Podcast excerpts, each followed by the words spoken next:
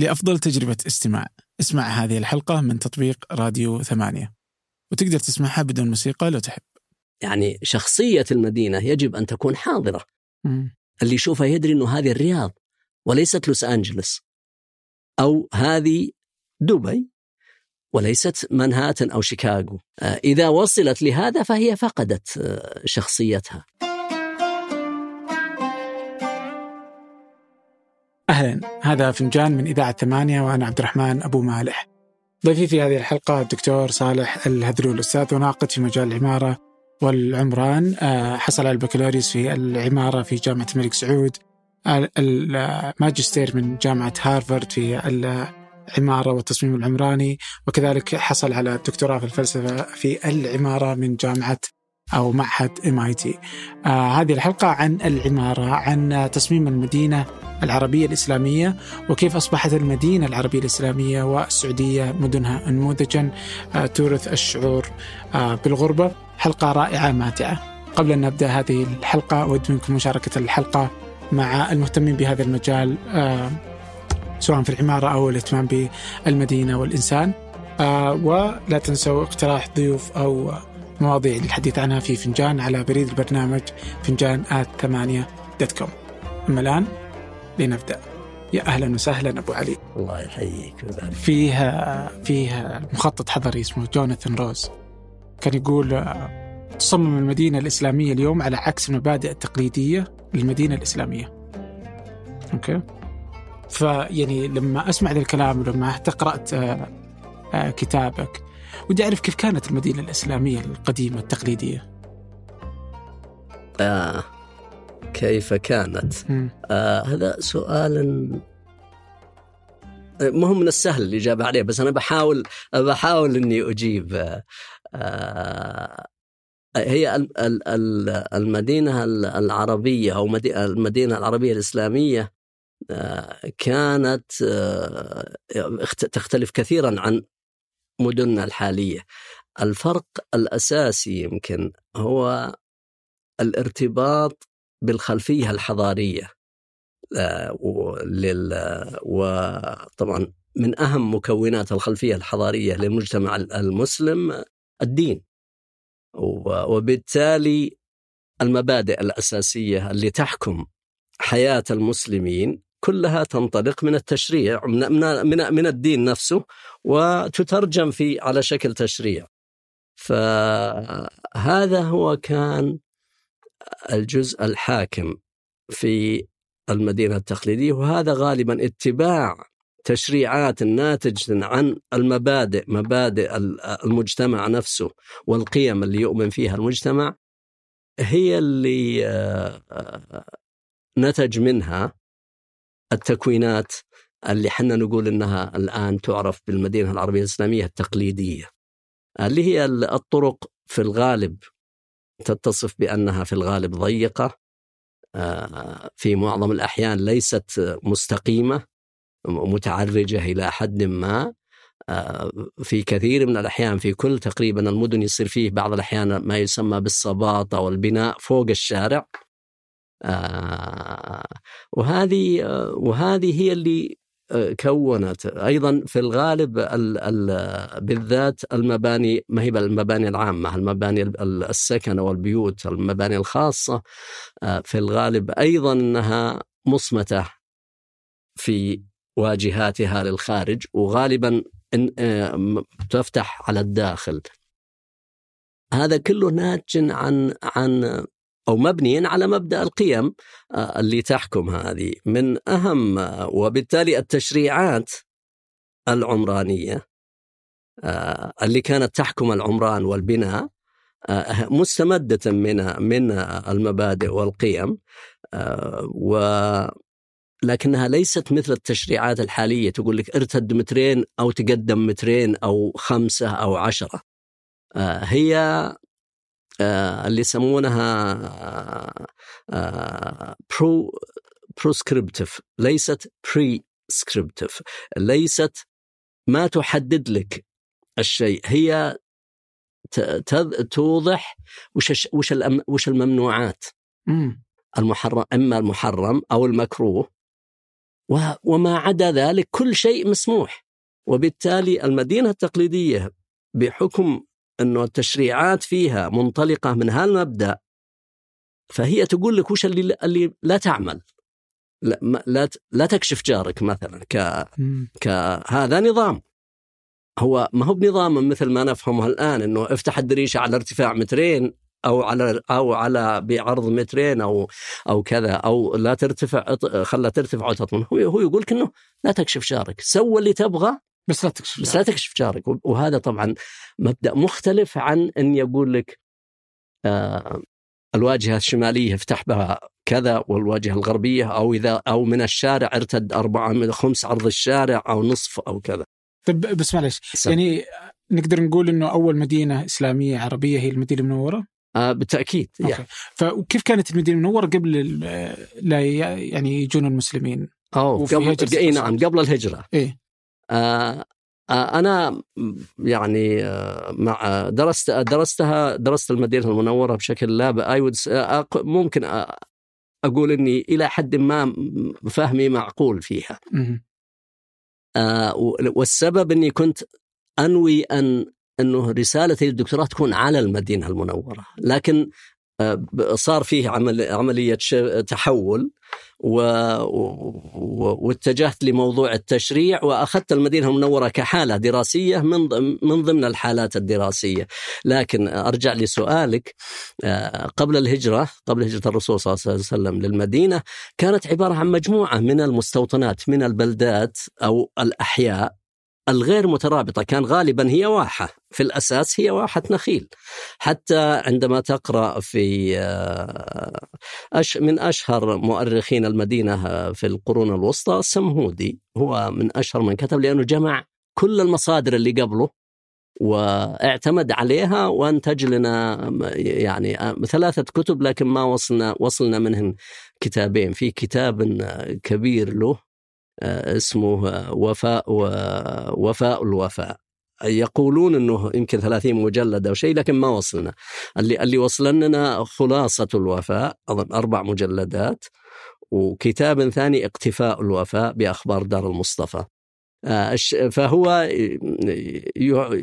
يصف لنا يعني طبعا معتمدا على اللي قبله من أول المؤرخين عمر بن شبه الظاهر إنه 200 والسمهودي 900 وكسور وفاته هجري وابن شبه 200 و يمكن 250 ما أتذكر كذا لكن فيها الحدود.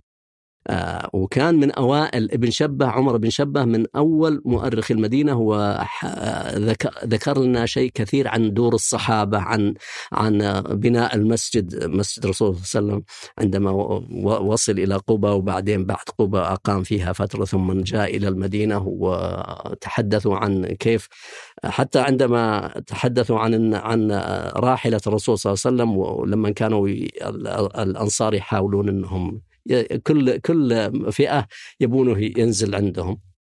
فكان يقول لهم صلى الله عليه وسلم دعوها فإنها مأمورة. إلى أن بركت في المكان اللي اللي فيه بنى الرسول صلى الله عليه وسلم المسجد ولكن هذا كان يقال إنه نخيل لايتام من بني النجار.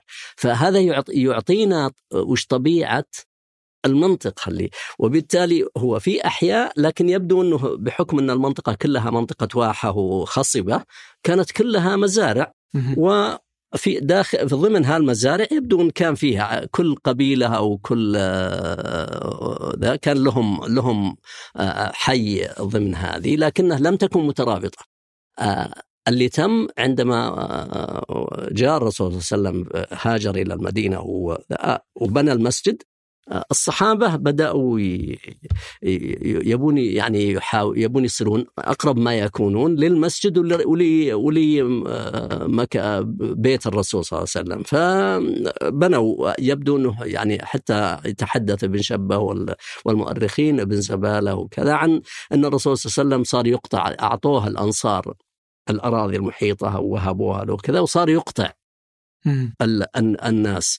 آه، الصحابة بالذات المهاجرين لأن ما لهم جايين من مكة ما لهم أراضي زي لكن الأنصار آه، في يعني في مكانهم ولهم أملاك ولهم كذا. فصار يقطع المهاجرين بعض الماء ولذلك تجد أنه دور الصحابة تجد آه، يعني عندما تتبعها وكنت حاولت أول ما بدأت في بحثي للدكتوراه كنت آمل أني أعمل خارطة حدود حدود المسجد الأساسي مسجد الرسول صلى الله عليه وسلم معروفه وممكن لا وكنت حاولت إني أنزل حسب من قراءتي للصمهودي باعتماده على المؤرخين اللي سبقوه دور الصحابة المحيطه بالمسجد ثم الدور اللي تليها وهكذا بحيث إنه ممكن أطلع باعاده ريكونستراكشن إعادة بناء للمدينة القديمة. ثم صار فيها الشفت والتحول في بحثي وعن أني بدلا من أن المدينة تصير هي الحالات الدراسية عملت شفت، لكن هذا كان وضع المدينة قبل قبل وش أبرز التغيرات؟ يعني مثلا لما تقول إنه مثلا لا تكشف آه، جارك هذه من القيم الإسلامية، بس هل كانت برضو يعني هل كانوا العرب وقتها مثلا في المدينة المنورة عادي إنهم يكشفون جيران بعض؟ هل كانت الأسوار واحدة؟ هل كانت آه، إنهم يفتحون على بعض ارتفاعات واحدة السؤال عن المدينة قبل يعني مع دخول المسلمين أي ما ما عندي الحقيقة معلومة عن آه، أسلوب البناء في تلك الفترة اللي هي قبل آه، هجرة الرسول صلى الله عليه وسلم. ما لكن هناك يعني مؤرخين أثرتي بهالموضوع. يعني في زميل لنا الدكتور محمد الحصين آه، عميد كلية العمارة والتخطيط فترة طويلة وكذا وكل أبحاثه عن المدينة المنورة. هو آه،. عنده يعني أبحاث كثيرة في الجانب العمراني.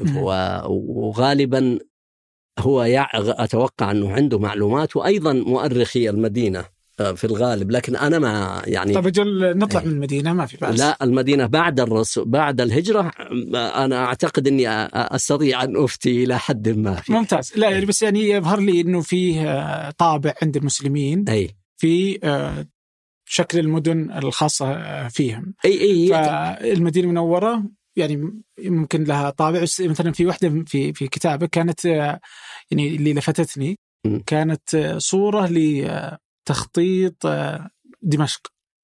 أي نعم كيف دخلوا يعني كيف أي. كانت قبل لا يدخل المسلمين انها مخططه ومنظمه اي بالجريد لخطوط متعامدة أو شوارع و... متعامدة. فوش الفرق بين التخطيطين إنه صار بهذا الشكل ولما المسلمين يتعمدون هذا الشكل يعني؟ أي. آه، هو ما أعتقد أنه تعمد. آه، خلنا أرجع شوية لل فالمدينة الحقيقة أصبحت يعني أخذت كنموذج لأنه كل الفتوحات الإسلامية انطلقت انطلقوا الصحابة سواء المهاجرين أو الأنصار وأبنائهم من المدينة المنورة لل مع مع الجيوش للفتوحات. وهم غالبا معظم القادة كانوا منهم. ف أعتقد انهم إنه المود النموذج حق المدينة المنورة آه، أصبح في أذهانهم. ولذلك لما نشوف آه، آه، العسكر اللي هي القاهرة القديمة اللي عمرو عمرو بن العاص كان هو القائد عندما عندما خططت أو البصرة أو الكوفة تجد إنهم دائما يخطون المسجد. هذه مدن أصيلة بنوها من الصفر؟ من الصفر آه بالضبط. مدن إيه. أصيلة. اي وأنا بجي لدمشق لأنه هو عندنا نوعين من المدن مثل يعني إجابة لسؤالك. في مدن بنوها المسلمين من من الصفر من يعني ما كان في شيء قبل كذا. وفيه مدن آه، كانت قائمة ودخلوها المسلمين وأصبح التنظيم فيها والمؤسسات تتبع للدولة الإسلامية وبالتالي نتج التحول. فدا كانوا كانت عملية البصرة والكوفة والفسطاط ثم أيضا القيروان. كلها يخطط المسجد ثم تخطط حولها الأحياء. وكان دائما المحيطين بالمسجد يسمونهم أهل الراية. هذولا التخطيط قبلي لكن الحي هذا فقط هو الذي لا يتبع لقبائل. هذولا هم القريبين مثل الصحابة عندما الرسول صلى الله عليه وسلم جاء للمدينة. اللي حوله ما هم يعني من قبائل متعددة لكن هم الصحابة هم القريبين من في الأمصار آه، صار يسمونهم دولة أهل الراية. لكن بقية الأحياء خصصت للقبائل لجهينة بلي كذا كل كل قبيلة لهم منطقة وترك لهم أمر الداخل تقسيمها من الداخل يبدو كذا يعني من من المصادر اللي حنا نقرأ يبدو إنه ترك التقسيم الداخلي لهم فهذا نوع من المدن النوع الثاني اللي ذكرته اللي هو آه، دمشق وحلب و... هذه موروثه هذه كل... إيه؟ فدي نرجع للاصيله يختارون المسجد بناء على إيش؟ يعني هو يكون هو المركز هو مركز بس هو المركز. عادة وين يروحون؟ يعني يختارون أماكن لتكوين المدينة هذه. هو اختيار المدينة لهم هم وضعوا معايير. كان عمر رضي الله عنه لما لما جو يخطون البصرة والكوفة وحتى الفسطاط. كان مثلا عمرو بن العاص يبغى النيل. ويبغى يعني وحتى كان فكر إنه يستوطن في الإسكندرية. حسب ما تذكر المصادر. لكن كان تعليمات الخليفة عمر رضي الله عنه إنه لا يفصلني عنكم بحر. هذا واحد. والثاني كان في تأكيد أنا ما أتذكر الشروط كانت عدة آه، أربعة أو خمسة شروط لكن من أهمهن إنه ما يفصل آه، الجيش لأنهن كان في الأول معسكرات. النقاط هذه اللي هي كان الفكرة فيها إنها ستبدأ كمعسكر وامتدت ك كمدن قامت واستمرت كمدن. فكان يقول لا يفصلني عنكم ماء آه، وبالتالي لأنه ثانيا لا تكونوا في منطقة رطبة. آه، الجو فيها آه، هو هو يرى رضي الله عنه أنه الصحابة وأهل الجزيرة ناس متعودين على الجو الجاف. وأنه إذا إذا إذا جاء إذا عا إذا ربما جاء عاشوا في جو رطوبته عالية قد تعتل صحتهم أو كذا ربما هذا. ف وأي هذا جانب، الجانب الثاني كان يبدو من من ما كان spelled out ما كان نص لكن إحساسي من قراءة المصادر إنه أيضا كان وده إنه الجيش يبقون على صلابتهم. ما يلينون.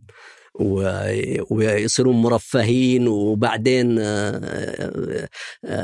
الحماس يقل. يعني هذه كانت لكن هذه من أهم.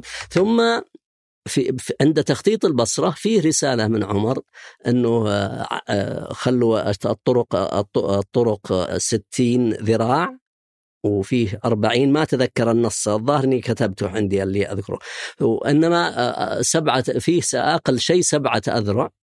الحارات أو الشوارع الداخلية ولا أقل من ذلك. فيبدو إنه هذا اتبع لكن ما هو بواضح لنا وحاولوا مجموعة عدد من المؤرخين في السابق يرس يعملون ريكونستراكشن إعادة بناء للمخططات لكن ما النصوص اللي من من الكتب صعب يعني اللي يكتبون كانوا يكتبون ما ما يردهم لأنهم ما عاصروا ال ال يعني يكتبون روايات ما بدأت غالبا التوثيق إلا بعد إلا حول سنة 200 أو شيء كان أو كذا من الأشياء اللي وصلتنا يمكن كان يكتب قبل لكن ما ما كانت وصلتنا اللي وصلتنا من من 200 هجري فما فما تلا هذا. وش الحكمة من آه، توزيع الطرق بهذه الطريقة؟ آه، يبدو أنه كان اخذ بحسابه فكرة التمدد وكذا. وهذا اللي حصل فعلا لأنه في اللي اللي اللي وصفوا القطاع العسكر اللي هي المستوطنة في اللي بدأت فيها القاهرة والبصرة والكوفة يتحدثون عن أنه القبائل لما بدأت تزيد بدأوا يمتدون على الشوارع. والشوارع يبدو أنها ما كانت ديفايند محددة بشكل واضح. إنه تاركين 60 ذراع أو ربما أكثر. ويمتدون من هنا ومن هنا وما أحد يعترض. هذه من أهم خصائص التشريع في الإسلام إنه داخل الأحياء آه، طبعا إدارة المدينة كانت تتم عن طريق المحتسب. والمحتسب هذا اللي هو شبيه بدور البلدية والهيئة مع بعض. آه، يعني فهو هم هو اللي كان يشرف على المدينة على إدارة المدينة. من ضمن إدارة المدينة وش الخصائص آه، لهذا للمحتسب؟ للمحتسب. هو هو آه، هو يتأكد أنه ما في مخالفات. مثلا تكرم الشوارع نظيفة لأنه يفترض أنه كل ينظف اللي عند بيته. ما يجي يصير. في الأسواق أسواق هو اللي آه، غالبا ولها أعوان له مساعدين آه، يتأكد من الموازين الأثقال الوزنه والوزنتين والكذا إنها مضبوطة ما يصير فيها غش. ما يصير. ولذلك يبدو إنهم random بشكل ال random يعملون check على على الأوزان. الأوزان في بس هل كانت خلفيته معمارية لها علاقة في العمارة في آه ولا ما مر علي ما مر علي آه ما أذكر. نعم. ما أذكر الحقيقة ما أقدر أفتي.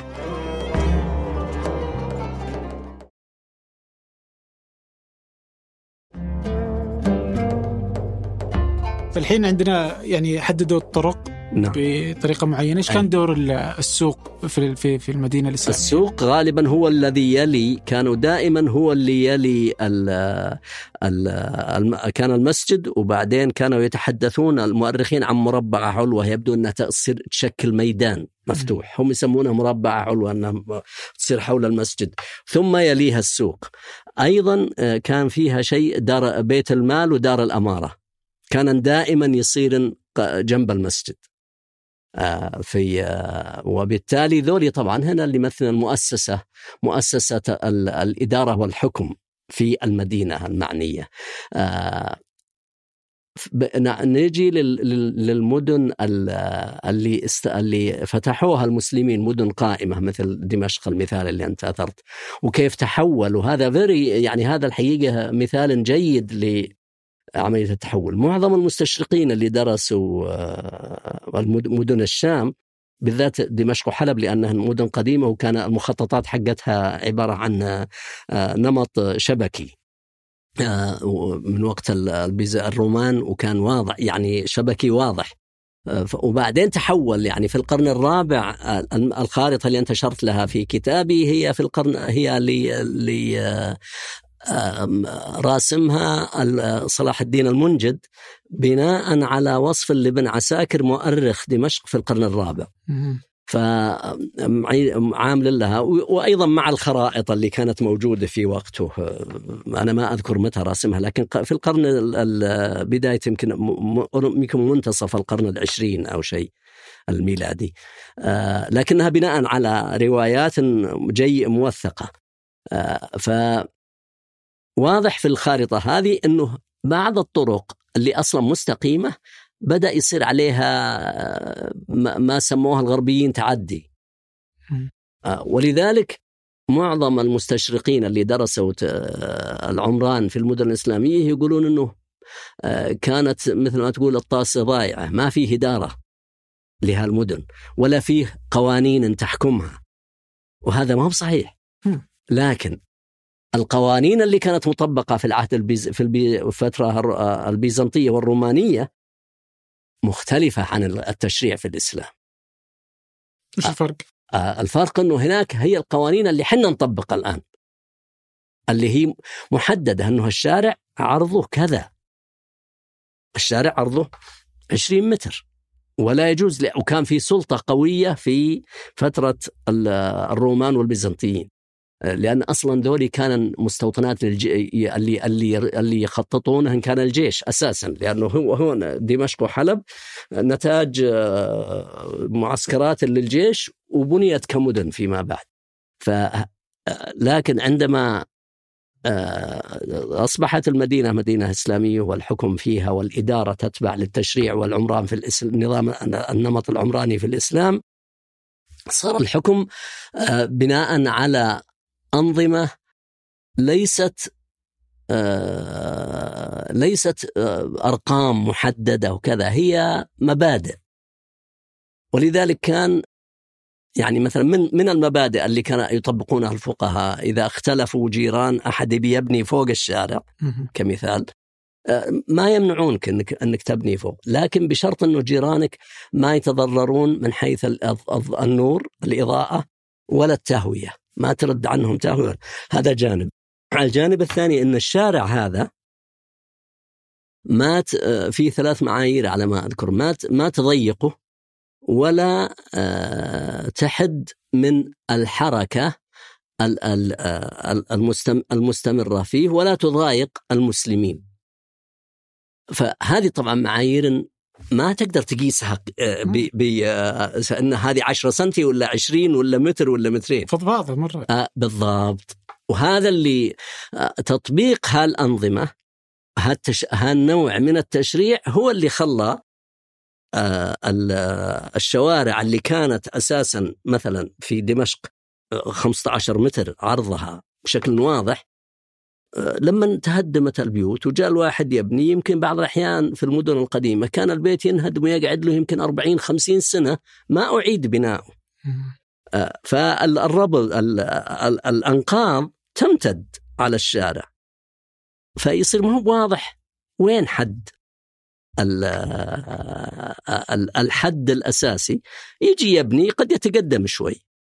ثم جاره يحصل نفس الشيء بعد 40 50 100 سنة يطيح البيت اللي جنبه أو يعاد بناؤه يشوف هذا متقدم يتقدم زيه. والثاني نفس الشيء.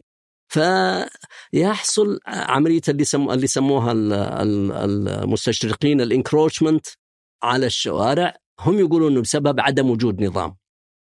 وليش تختلف مع هذا؟ سم؟ وأنت تختلف إنه ما عدم؟ لأنه لأنه عندما درست الفقه آه، كان واضح إنه في أنظمة. لكن طبيعه هالانظمه تختلف عن عن النظام اللي هم يفهمون.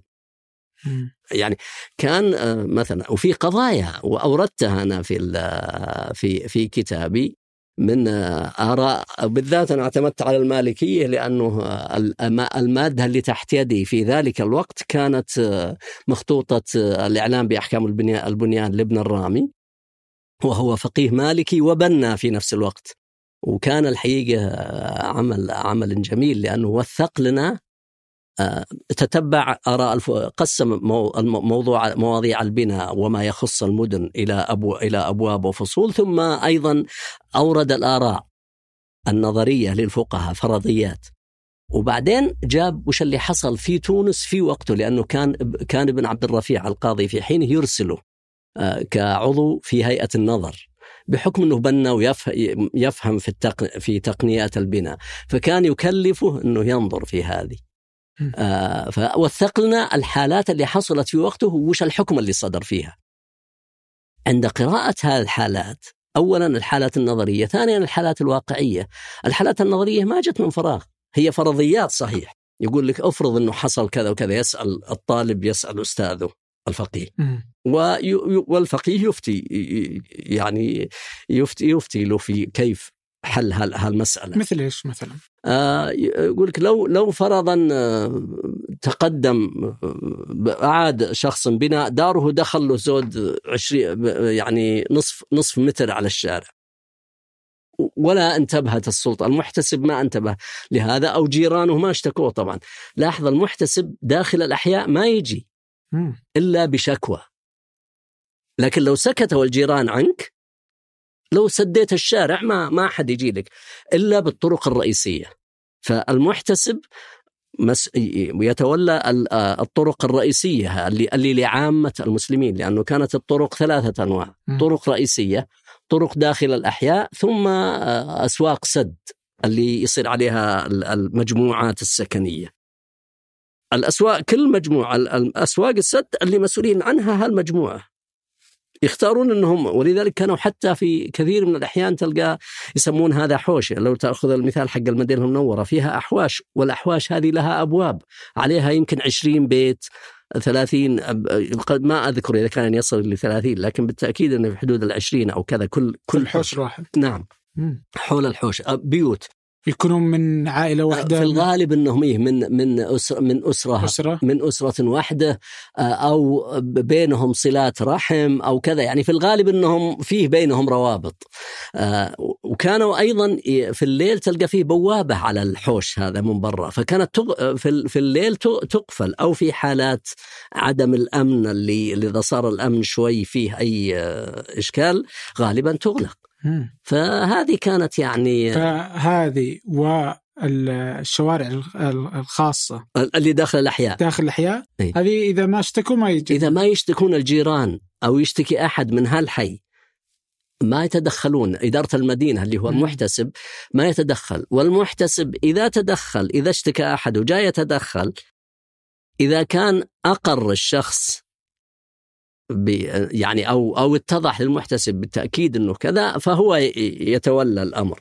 لكن إذا صار فيه عنده ذا هذا يرفع الأمر للقاضي. القاضي هو السلطة النهاية الأخيرة العليا في المدينة. مم. اللي هو الحاكم الشرعي كان يسم يعني اسم فهو هو السلطة ال- ال- ال- الأخي- الأخيرة في المدينة في الموضوع. ولذلك في تونس كانت ال- ال- القضايا إذا تعقدت تجي للقاضي بن عبد الرفيع في حين عام في حدود 720 هجري أو كذا وكان يكلف بين 720 و 730 وكان يكلف ابن الرامي طالب عنده هو أو من من مريديه خلينا نقول. ما كان ما أعتقد إنه يمكن كان أرفع من مجرد طالب.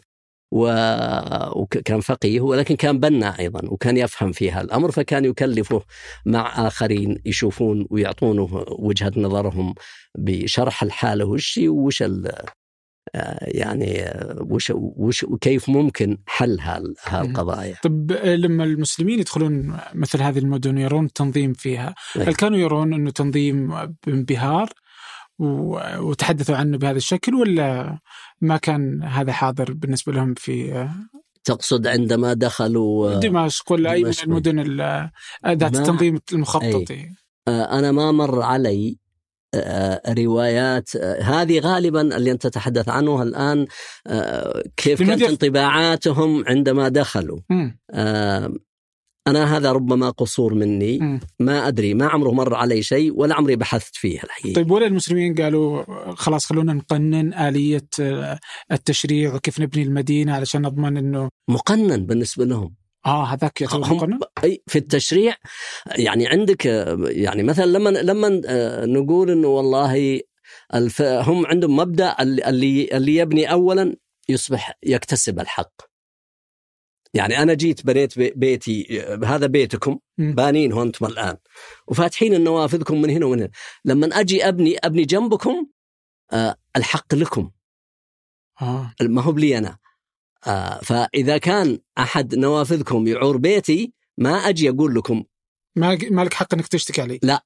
آه. حتى لو رحنا للقاضي وثبت للقاضي إنه أنت باني اولا. يقول لك خلاص احم نفسك أنت. أنت اللي بنيت في الأخير آه، لكن إذا جاء واحد بعدي يبني أنا صاحب الحق. مم. آه، فهو على ال first come first serve basis في يعني هذا المبدأ كان مطبق. آه، وإذا اكتسبت حق ما حد يأخذه منك. إذا ان تكتسب حق ويبقى لك. آه، لكن كان أيضا في أعراف وتقاليد. هالاعراف عادة والتقاليد تنشأ من المبادئ؟ يعني تبنى على على المبادئ.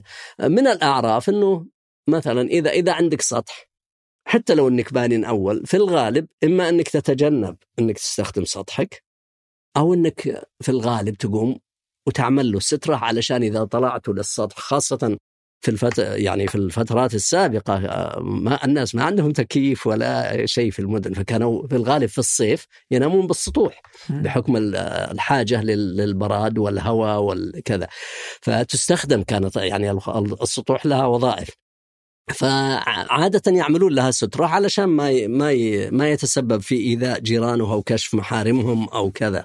في آه، وهذه آه، لما في مثلا أحكام آه، أو حالات ذكرها ابن الرامي وفي حالات في المدينة مريت عليها لأن اشتغلت على قضايا محكمة المدينة. آه، المدينة كانت من أغنى المحاكم في سجلاتها. تبدأ من 963 هجري من دخول ال- العثمانيين مم. للمدينة المنورة. والريكو فيها السجلات منظمة وجيدة ومحافظ عليها. وش أبرز المشاكل كانت عند المسلمين؟ آه، في الغالب الخلافات أنه هذا فلان دخل علي ولا ولا دخلت عليه. يعني اللي هو عندي إعادة البناء. هذه من يعني في الغالب لأنه والسبب اللي يبدو لي يعني الرئيسي فيها أنه آه، ما هي بالبيوت تنهدم وتبنى على طول. في الغالب يطيح البيت ويترك فترة طويلة يعني فترة إلى ما شاء الله ثم يأتي واحد ثاني غير المالك الأول في الغالب. ما يتعدى على آه، ف... أي فيصير فيه نوع من الإشكال. أو يتع... أو يأخذ من الشارع شوي وكذا فيرسم طريق يرسم أيضا للآخرين إلى إلى جو يعيدون البناء أنهم أيضا يتقدمون وكذا. لكن دائما المعيار بالنسبة للشوارع حتى ولذلك تلقى بعض البيوت داخلة على الشوارع بعض الأحيان. حتى إذا نظرت في دمشق النمط تلقى واضح النمط الشبكي لكن تلقى بعض الطرق مسددة. من دراستي في المدينة المنورة أيضا حصلت نفس الشيء.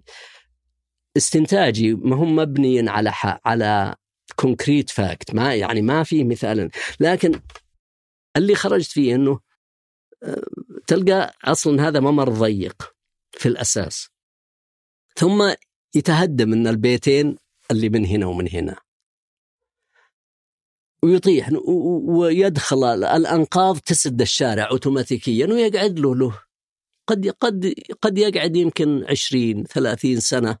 ما أعيد بناؤه يجي يبني هذا يشترى البيت من شخص آخر ويجي يبنيه قد يكون حتى ما هو مقصود إنه يبي يأخذ الشارع؟ يمكن ما يدري إنه في شارع.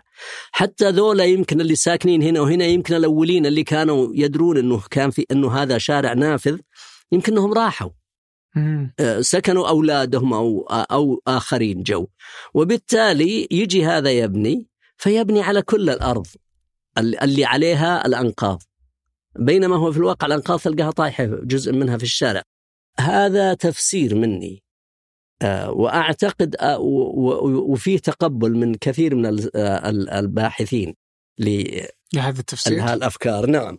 يعني كثيرين اللي اللي يرون إنه فعلا إنه هذا قد يكون يعني يحصل.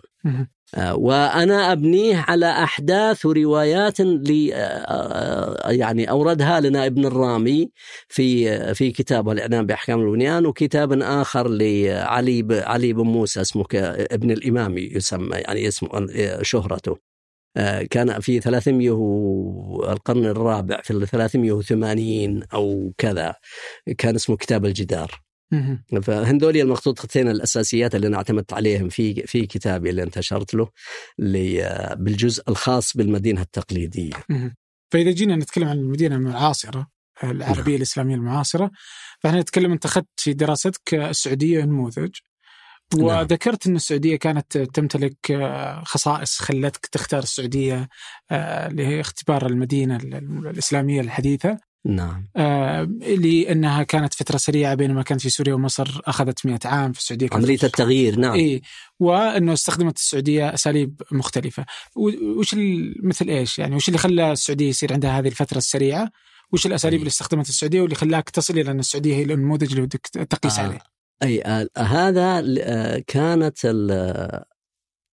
يعني إحنا إذا نظرت لنا طبعا أنت أنت فيري يعني آه، شاب صغير لكن آه، إذا إذا أنظر لجيلي آه، اللي عشنا في 1950 يعني أنا يمكن مولود قبلها بسنتين أو كذا ماشي. لكن في الخمسينيات يعني من منتصف الخمسينيات وأنا أعي يعني أعي القرى اللي أنا عشت فيها والبيئة اللي أنا عشت فيها وأعي المدن أيضا في الستينيات إلى السبعينيات. كانت مدننا يعني كانت ما تزال مدن إلى إلى منتصف إلى إلى إلى نهاية الستينيات وحنا يعني ما تزال المدن تأخذ الطابع التقليدي إلى حد كبير.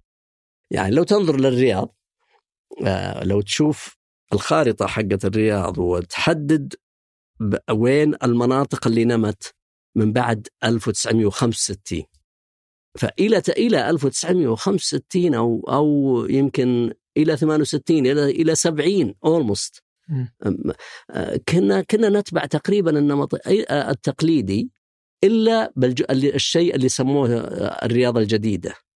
الملز لما بدأوا فيه كان اسمها الرياض الجديدة. في ذلك الوقت. لكن غلب بعدين اسم الملز واندمج اندمج مع المدينة اتصل وأصبح حي اسمه حي الملز. بس هذا كان في عهد الملك سعود. الملك سعود بالسبعينيات. بس كيف كانت الرياض في عهد الملك عبد العزيز إلى بداية انتقال السعودية عندما انتقلت الحكومة إلى الرياض. أي ما قبلها؟ وكيف كانت؟ كانت كانت صغيرة جدا. لما تقول لي إنها على الطراز التقليدي أي. وش ال... وش تقصد؟ يعني وش كان المسجد؟ وش كان الحي؟ وش كان طبيعة كان الناس؟ كانت الأحياء كلها مرتبطة. كل حي تلقاه مرتبط بمسجده تلقى الشوارع ما يعني النظام الشبكي ترى ما دخل عندنا إلا ب... إلا في نهاية الستينيات. وبداية السبعينيات آه في بعض الطرق آه يعني عدال مستقيمة لكن النمط الشبكي اللي اللي حنا نشوف الرياض عليها الآن ما بدأ إلا من مخطط دوكسيادس، مخطط دوكسيادس ما اعتمد إلا عام 72 ميلادي.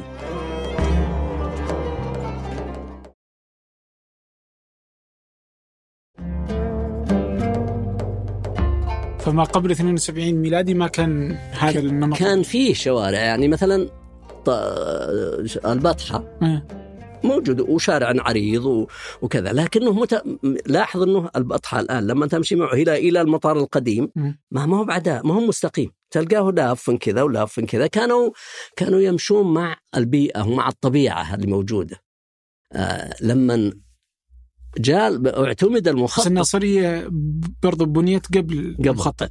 شوف الملز والناصرية ذولي هنا الجزء الجديد اللي اتبع النظام الشبكي. نعم. ذولي من منتصف الخمسينيات الميلادية بدأ فقبل دوكسيادس. إي قبل.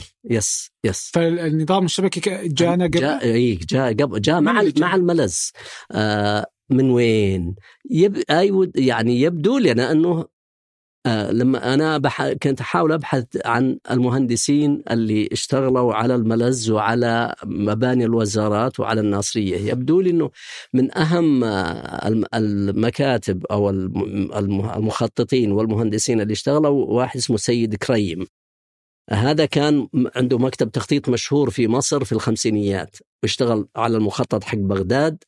واشتغل أيضا عندنا لما لما عثمان أحمد عثمان اللي هي شركة المقا... بعدين أصبحت اسمها شركة المقاولون العرب. جاء جاء لنا في 49 1949 وبنى الكلية الحربية والمستشفى مبنى قديم في نفس مكان المستشفى العسكري. بنى يعني بنى هذول هو. هي عام 49 وعام 50 ويبدو إنه هذه كانت أول تجربته. وفي كتابه مذكراته موجودة على النت downloadable اللي كان download interesting يحكي عن قصته كيف جاء. لكن اللي يهمنا إحنا هو انه إنه انه جاء واستعان بسيد كريم آه لما كلف الملك سعود ببناء الوزارات. فالسيد كريم هو المعماري المخطط والمعماري لمباني الوزارات القديمة اللي على طريق المطار القديم اللي هو طريق الملك عبد العزيز اللي من بين المطار ووزارة المالية الحالية. آه وهو اللي آه صمم كل المباني هذه من خلال مكتبه. وعمر قابلت أنا يمكن 2000 عام 2003 في القاهرة كان واصلنا المياه لما قابلت أنا والدكتور محمد بن صالح الله يرحمه الله يرحمهم كلهم توفي هو آه إنما ف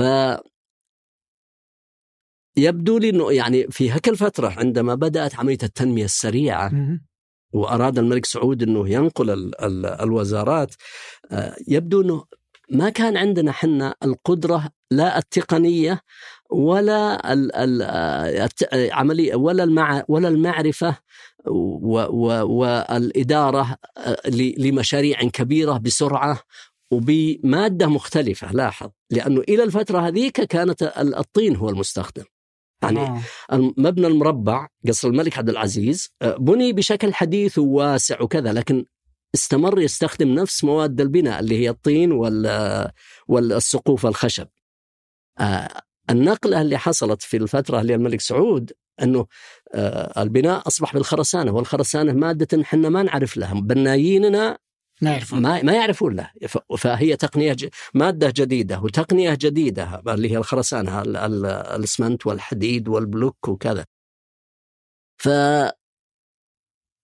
ومشروع كبير جدا.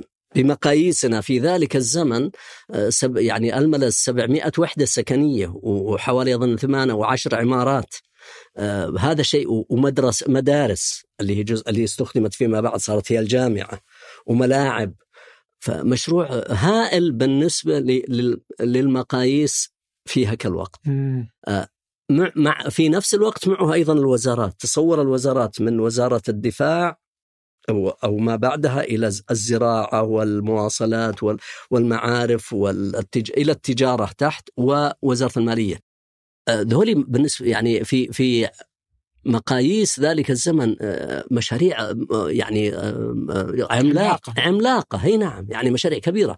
ف يبدو يبدو أنه الملك سعود كلف عثمان أحمد عثمان المقا... اللي هم الشركة وكمقاولين. وعثمان أحمد عثمان استعان بسيد كريم لكن في مخططين آخرين وفي مهندسين ما, أنا ما وصلت لي يعني لي لاسماء وكذا. لكن واضح إنهم جايين من بيئة آه، طبعا مصر والشام كلهم كانت آه، زي ما زي ما ذكرت أنت بالمثال آه، ليش أنا اخترت السعودية كمثال؟ لأنه هم التخطيط الشبكي بادي عندهم من آه، آه، في مصر من وقت الع- الخديوي عب من عباس وال- واللي بعدها ال- ال- القاهرة اللي هي الخديوي إسماعيل اللي بعده اللي هي تقريبا بدايات نهاية ال 1800 بداية ال 1900 وبعدين جاء عندهم اللي هي هليوبوليس مصر الجديدة اللي المشروع اللي بدأ أظنه 1905 أو 1907 ضاحية كاملة مخططة شبكيا. ف... وفي الشام آه الشام نفس ما عندي معلومات نفس المعلومات اللي في بس مصر لكنه أكيد إنه التخطيط الشبكي انتشر عندهم قبل منتشر عندهم يس يعني اي نعم يعني بادين قبلنا بمراحل.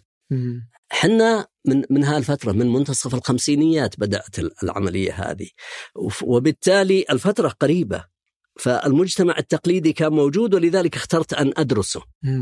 وأشوف كيف هالمجتمع اللي كان قبل عشرين سنة تقليدي لاحظ دراستي أنا بالسبعينيات عندما أجريت هذه. آه، فاللي كان في الخمسينيات تقليدي تماما سواء من حيث المجتمع نفسه العادات التقاليد النظم كلها كانت على على النمط التقليدي. وبعدين في السبعينيات أو نهاية الستينيات نبدأ على طول نعمل شفت وتحول سريع بهالشكل. فالفترة قصيرة وأسهل أنها تدرس من أنك تدرس تأخذها آه زي اي 100 عام إيه. الا لا لا يعني هذه زي زي ال simulation هي حالة زي عملية ال simulation الآن اللي إحنا نعمل ال modeling وال simulation لحالة نفترضها ون- ونطبق عليها. فكانت شيء شبيه. وبالتاكيد هل تؤثر العادات والتقاليد على البناء؟ ها بالت- أصلا العادات والتقاليد منين تجي؟ تجي من ال- ال- العقيدة. يعني العقيدة لها تأثير الديانة الدين والعقيدة لها تأثير كبير على ما هي كلها عقيدة فيها أجزاء غالبا تقاليد. نرثها عن ابائنا وابائنا وارثينها عن أجدادنا. لكن في فيه جزء أيضا منها. ولذلك أنا أيضا تحدثت في بداية الكتاب عن موضوع التقاليد كيف تبنى كيف المجتمعات تأخذ بتقاليدها كيف تتغير التقاليد. ال- الواقع اللي حاصل إنه التقاليد كانت تتغير في السابق لكن كان التغيير بطيء جدا لدرجة إنه ما يشعر المجتمع. إنه حصل تغيير، إذا حصل كان تغيير ب 50 سنة آه، أو 100 سنة هذا عادي. لكن اللي حاصل عندنا إحنا إنه خلال 10 20 سنة انقلبت الدنيا راسا على عقب يعني من من الخمسينيات إلى السبعينيات. وبعدين خذ مرة ثانية. من في السبعينيات. قارنها بوضعنا الآن. مم. كومبلي يعني اختلاف تام تغي- تغيرات سريعة جدا.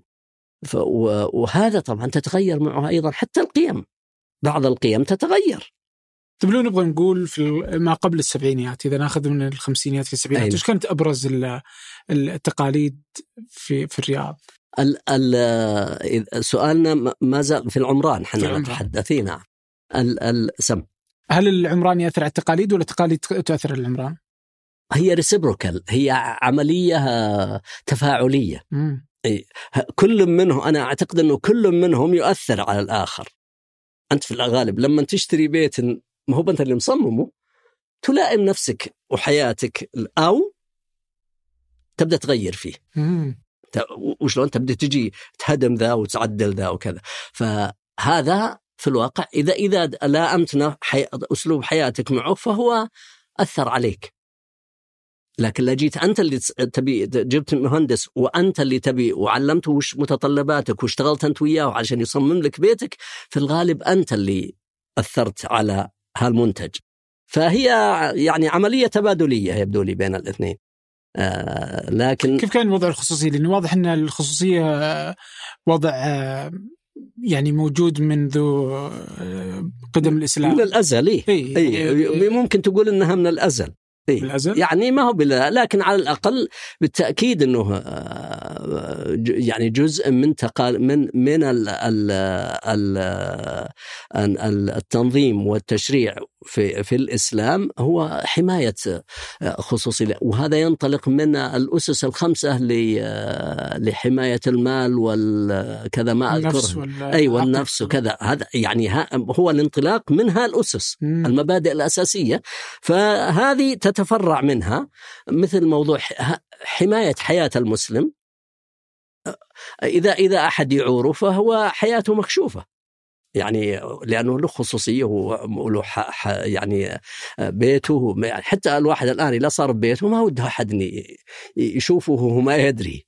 يعني هذه هذه المسألة واضحة في الإسلام آه، جدا. غير واضحة برا؟ أكثر وضوحا. بالتأكيد إنه كل المجتمعات لها آه. لكنها دف بالتأكيد إنها أكثر وضوحا لأنه لما تناظر مدن البحر الأبيض تمام؟ النمط متشابه. يعني لما تشوف الشاطئ الشمالي للبحر الأبيض اللي هن المستوطنات أو البلدات في إيطاليا وفي جنوب فرنسا وبعدين تجي على تركيا وعلى الشام ولبنان ومصر الإسكندرية وكذا.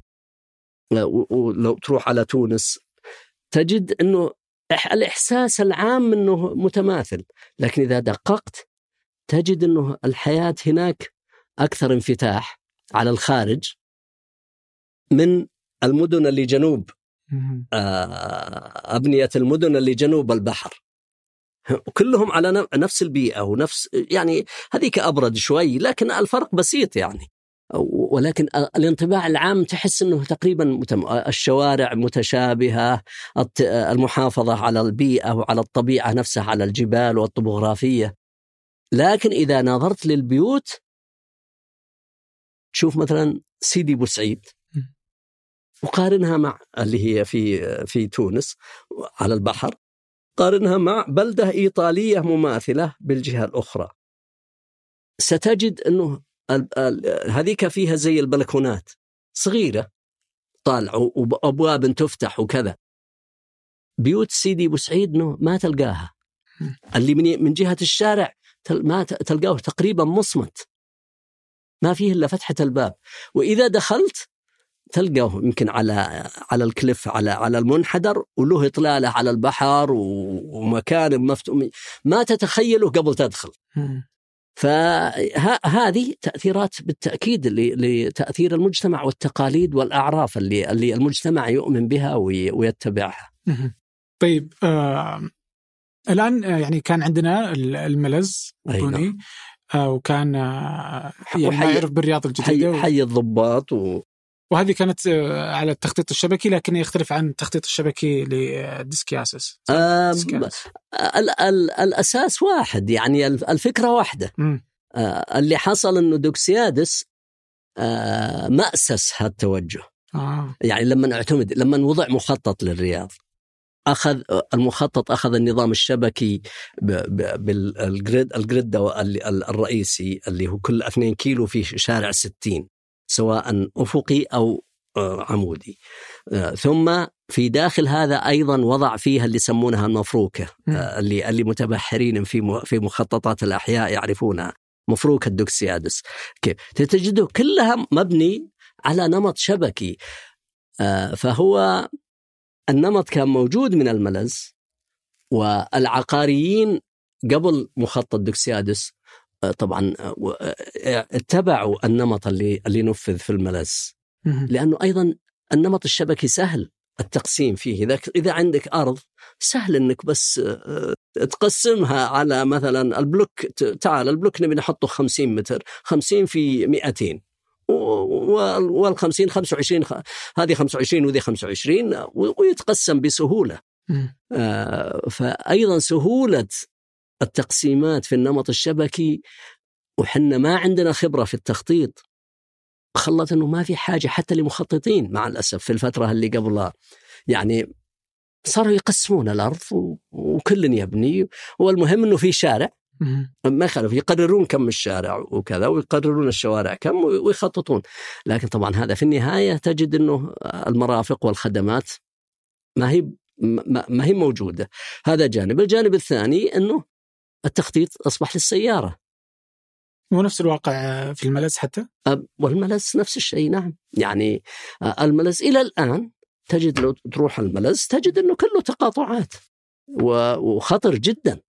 إذا نعم. إذا صرت تسوق تجد أنك يعني عند كل نقطة كل ما تمشي لك يمكن 60 متر بالكثير 100 متر تجي تقاطع.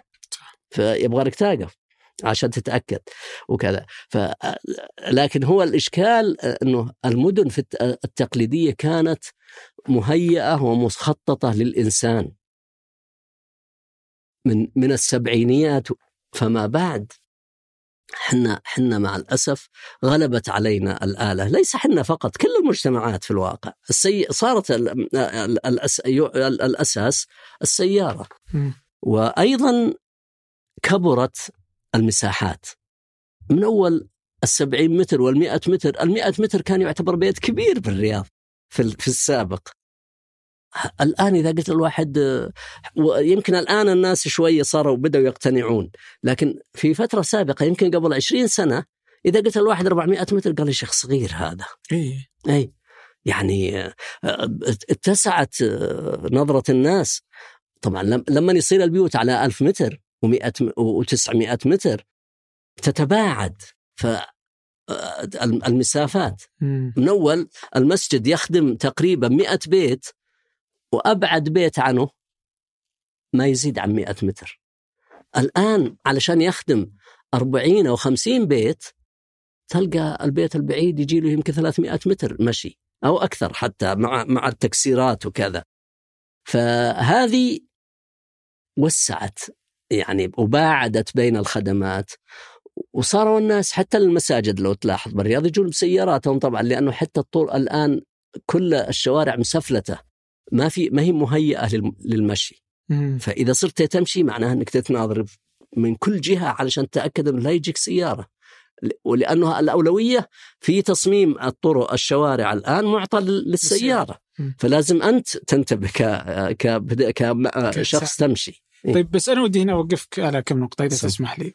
يعني مثلا إذا جينا نقول إنه الناس تبني يعني وهذا كان في بداية حديثك إنه الناس تبني على القيم يعني وأن المسلمين في بنائهم للمدن الإسلامية التقليدية. كانت القيم واضحة في بناء كل نعم. آه، وكان هذا المعيار الأساسي. نعم. مثلا في الإسلام آه، قيمة الجار عالية جدا. نعم. آه، وقيمة صلة الناس برضو نعم عالية. نعم. آه لكن هذا اليوم واضح إنه مو موجود في تخطيط آه، مدن السعودية أو في الرياض ما أنا هي هي هو مع الأسف يعني عام في المدن كلها في سواء في المملكة أو في غيرها م. لأنه طغت في في إحنا نتكلم عن المدينة العربية الإسلامية أي. الرياض لكن الرياض كمثال آه لأنه آه فلما العمارة تقدمت على القيم الإنسانية الإسلامية فرضت نظم جديدة ما هي بنابعة من من الخلفية الحضارية للمجتمع من من الستينيات بدأنا نطبق ما يسمى بنظام اللي هي أنظمة التخطيط الحديثة. هذه ليست هذه آه، مع مع الأسف إنه نظر لها إنها أنظمة تقنية. منفصلة عن بيئتها وعن حضارتها. لكن هذا ما هو صحيح. الفرضية هذه ليست صحيحة. النظم والتشريعات في أي مجتمع هي وليدة وليدة المجتمع اللي تنشأ فيه بناء تنشأ بناء على حاجته. فكرة أصلا الارتدادات طلعت في إشكالية في حريق نتج في لندن في ما أذكر السنة لكن مشهور حريق لندن. طبعا كانت المباني متصلة فيه. لما صار الحريق ما قدروا يوقفون النار استمرت تلهم كل الدنيا. فحطوا نظام ارتداد سموه نظام ارتداد لأن طبعا أو, أو هم أيضا معظم بيوتهم من الخشب وهذه مشكله مشكلة أخرى في موضوع الحرائق بالذات. فحطوا نظام شيء يفصل المباني عن بعضها اللي هو فكرة الارتداد. هذه هذه محطوطة علشان أساسا وضعت لها لها طبعا استفيد منها أيضا أنها تبدأ تدخل إنارة. لأن المباني في القرن السابع عشر والثامن عشر كانت في فترة النمو الصناعي السريع كانت بنيت يبدو بسرعة ولا روعيت فيها التهوية والإضاءة بشكل سليم. هذا برا. برا نعم. م. فأيضا لما وضع هذا النظام خدم الغرضين. صار يتيح فرصة للإضاءة ويتيح فرصة للتهوية وفي نفس الوقت يبعد المباني عن بعضها بحيث أنها ما طبق عندنا حنا وأوجد لنا إشكال ليش؟ لأنه أيضا لما نطبق طبق فرض فرض بأنه مثلا خمس عرض الشارع. أنا الشارع عندي 20 خمسه أربعة معناه لازم أرتد أربعة. أربعة أمتار. وبعدين قالوا من كل جار لازم مترين. م. فلما ترتد من من الثلاث جهات على مترين وأرضك 400 مع أنها الآن كبيرة تعتبر. لما أرضك 400 راح منها 4 متر من من هنا بقي 16 وراح منها 6 متر من هنا. صحيح. آه بقي 14 م. هذا يلا يكفي مبنى. آه لو النظام ذا مهم موجود وش البديل؟ البديل إنك تحط إننا ممكن نطبق النظام السابق اللي هو تحط اللي يسمونه بطن الحوية أو الفناء الداخلي. م. وتفتح عليه وبالتالي خصوصيتك محمية وكذا، هذا مشكلته أيضا في الارتدادات الآن أننا ما نقدر نستخدمها. ليش؟ لأنه جاري عنده فتحات في الدور الثاني وشبابيكه كلها تطل على هالارتداد اللي عندي. فما تقدر تستخدم الفراغات اللي عندك. يعني أو أو إذا حتى لو استخدمتها تستخدمها على استحياء وكل شوي وانت رافع راسك لا يصير يطلع يطالعك أحد أو يطلع عليك أحد. فهذه هنا طلعت الأسوار المرتفعة؟ بالضبط. آه. هذه واحدة من النقاط لأنه كانوا من أول الناس يشتكون والمحاكم كانت تحكم بإغلاق حتى والواحد آخذ تصريح من البلدية. كانت المحاكم في الستينيات وفي السبعينيات تحكم بإغلاق النافذة. أنا ت... هنا تاخذ تصريح من البلدية؟ بأن أفتح نافذة. أنك تفتح وت... وتبني وتفتح نافذة ويشتكيك جارك وتسده يسدونه لك. آه. اي لأنه التش... طيب والحكم ال... وبالتالي لأنه هذا طبعا وش هذا انتج ازدواجيه إيه؟ التنظيمات ال ال ال ال البناء أو التنظيمات العمرانية الموجودة تختلف مع الشريعة. تختلف مع التشريع.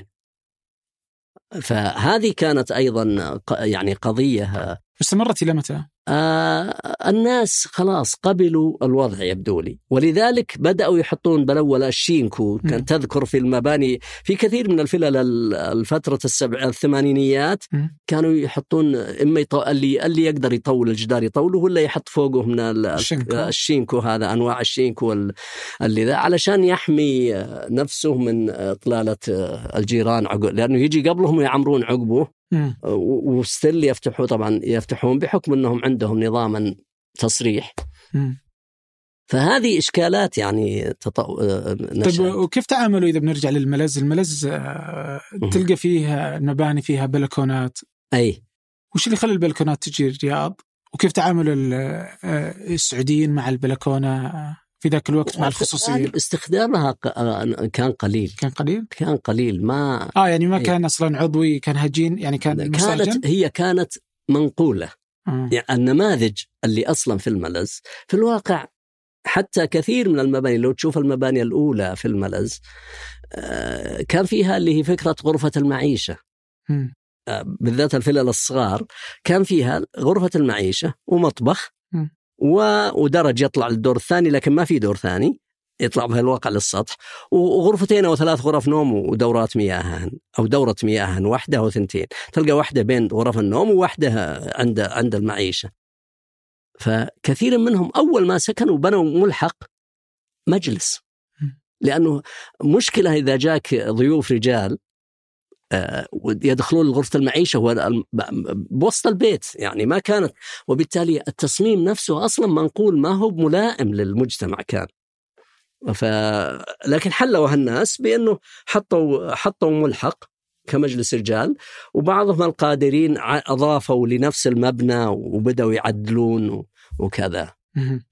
لكن ذي مع الأسف ما إحنا يمكن اشتغلت عليها أنا وعلي الشعيبي ومحمد الحصين برسالتنا ب- بشكل آه، يعني آه، جزء منها. لكن ما درست الحقيقة باستفاضة يعني. طيب. في كتابك وحتى في حديثك قبل شوي واضح إنك تعذر آه، تسكيادس على التخطيط. يعني كما لو إنه ما كانت هي تخطيط واستخدامنا للتخطيط الشبكي هو اللي ودانا في هذا الشكل المشوه لمدينة الرياض. آه فليش؟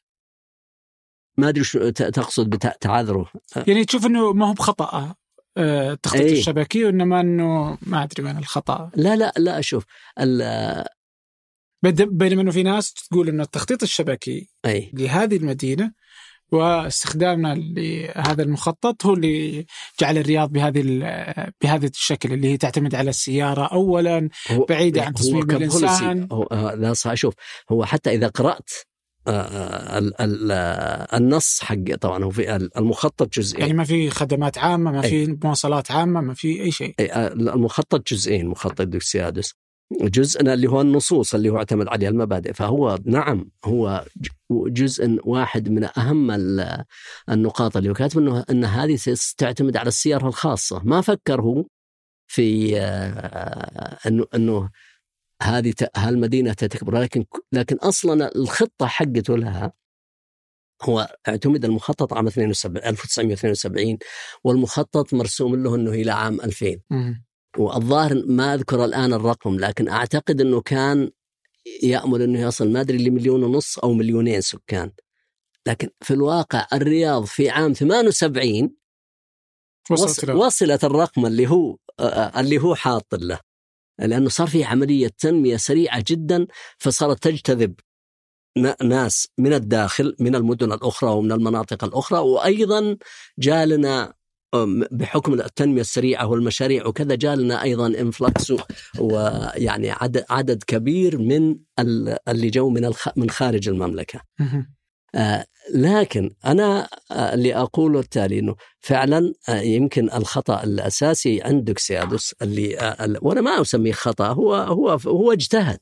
أنا أعتقد إنه اجتهد وبذل بذل جهد وأعطانا في ذلك الوقت يمكن أفضل ما كان يراه هو. لكن دائما الاستشاريين يعطونك هم إذا أنت تجيبهم تستعين بهم وهم يحاولون ويعطونك أفضل ما عندهم لكن ليس دائما أفضل ما عندهم هو أفضل المناسب لك. وها النقطة يجب أنه الإنسان يصير واعي لها. أنت لما لما تشاور أحد تجيب أحد وتأخذ رأيه في شيء يجب أنك تعي أيضا أنه هو ما ي... ما يعرف. إذا كان ما هم من نفس مجتمعك ما يعرف احتياجاتك الحقيقية وكذا إذا إذا هو إذا يجي هو من مجتمع آخر يا أصلا بالذات النواحي الاجتماعية وفهم المجتمعات يتطلب وقت طويل جدا لكي يستوعب والتخطيط والعمران مرتبط تماما بال- بالنواحي بال- بالعادات والتقاليد والنظم المؤسساتية في في في المكان اللي اللي يخططون فيه وهذه تتطلب وقت كبير لمن سي- سيضع. أو يرسم الخطة إنه يستوعبها. فهذه لكن دائما ال- ال- غالبا الاستشاريين يبذلون جهدهم يعني أنا ما ألومهم إذا إذا إحنا نقول تعال وعطنا يعطينا هو أفضل ما عنده لكن الإشكال إنه ليس هذا هل افضل شيء اللي هو يقترح فعلا هو اللي يناسبنا. آه مخطط دوكسادس له مزايا وله وأخرج لنا إشكالات ما في شك. لكن من أهم مزايا والحقيقة فكرة تنظيم نمو المدينة. تصور الرياض لو هالظروف مرت عليها وهي ما لها مخطط. مم. كان تصير هبهزرد كان تصير مأساة.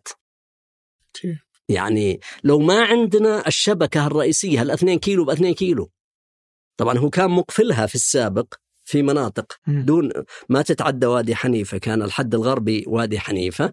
الحد الشرقي كان منطقة الحرس الوطني والكذا ما عاد ما يعني ما تمتد لها.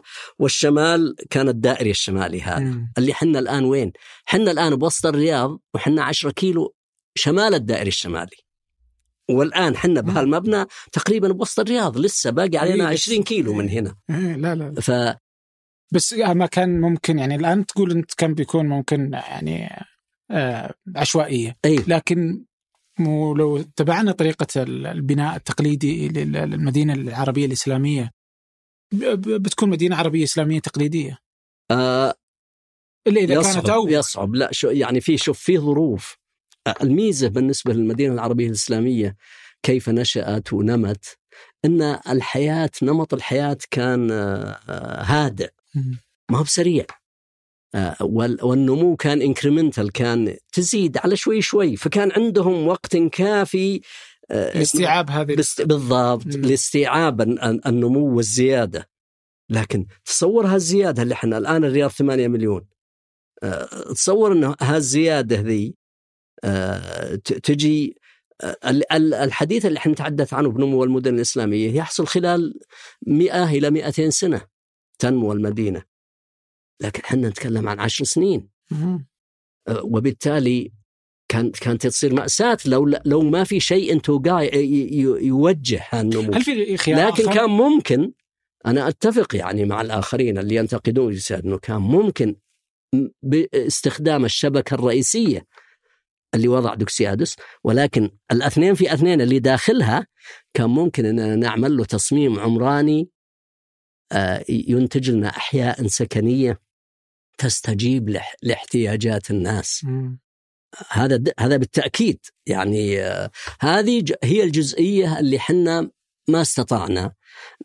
والبلديات وأجهزة الأجهزة المسؤولة عن التخطيط لأنه عندما اعتمد دوكسيادوس عام 72 آه، القدرات كانت آه، يعني آه، قليلة عندنا القدرات الفنية. فحط هو نماذج لبعض الأحياء صاروا يأخذونه يطبقونه على كل حي. آه وأيضا اللي حطوا غالبا اللي كانوا يشتغلون في مكتبه يعني أنا انطباعي أو يبدو لي من قراءتي لل, لل للمخطط هو حوالي تقريبا 20 مجلد. وأذكر عندما كنت أشتغل على رسالتي كان عندي كل إنه كنت يعني فليتهم فلي ف واضح أن اللي مشتغل على المخطط الأساسي ما هو هو اللي مشتغل على التفاصيل. آه. فيبدو إنه وضع التوجه وبعدين طبعا بحكم إنه دراسة كبيرة جدا فيه آه، الجونيورز المساعدين هم اللي بدأوا استمروا في المكتب بالرياض وبدأوا يشتغلون على التفاصيل مناطق التفصيلية فما يعني و و ولا أدري وش كانت الظروف بالضبط لهذا يعني أنا بقتبس من أمين الرياض آه نعم. يقول في تغريده أو تغريدتين فكان يقول إن أكثر من ثلث مساحة مدينة الرياض مخصصة للشوارع والطرق فقط. يعني والله ضخمة. كمية الفراغات المفتوحة والاسفلت وفي هذه الأجواء يعتبر مثل الانتحار العمراني. حقيقة نعم. يكمل يقول بالمقابل وللمقارنة الرياض القديمة المتضامة والأكثر إنسانية كانت نسبة الطرق والشوارع فيها أقل من 10% من النسيج العمراني آه، وحتى هذه النسبة كانت مدروسة بعناية لتقليل التعرض لأشعة الشمس كيف وصلنا إلى هنا؟ يعني مع كل هذا النمو مع كل هذا المعرفة مع كل هذا النضج في القدرات البشرية يعني واضح أنه ما وصلنا إلى إلا إلى مكان أسوأ مما كنا عليه. آه أي أنا ما يعني هو ريلاتيف الأسوأ والأح والأفضل. آه ولكن إذا اخذناها من أنسنة المدن. أي من في بالتأكيد إنه المدن القديمة مدن إنسانية 100% وتستجيب لكل للاحتياجات الإنسانية والاحتياجات الم... وتتلائم مع البيئة والطبوغرافي مع الطبوغرافيه وتتلائم مع المناخ.